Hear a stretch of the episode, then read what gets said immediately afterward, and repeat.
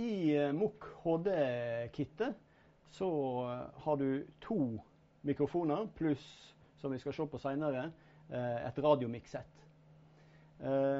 Den her, som ser ut som en lang sigar, er en kondensatormikrofon som vi bruker på bommen.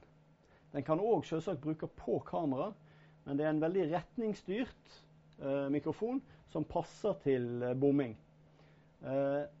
Det som er spesielt med kondensatormikrofonene, det er at den må ha strøm for å fungere. Og eh, det kan kamera gi gjennom ei innstilling som vi skal se på, som heter 48 volt eh, fantommating.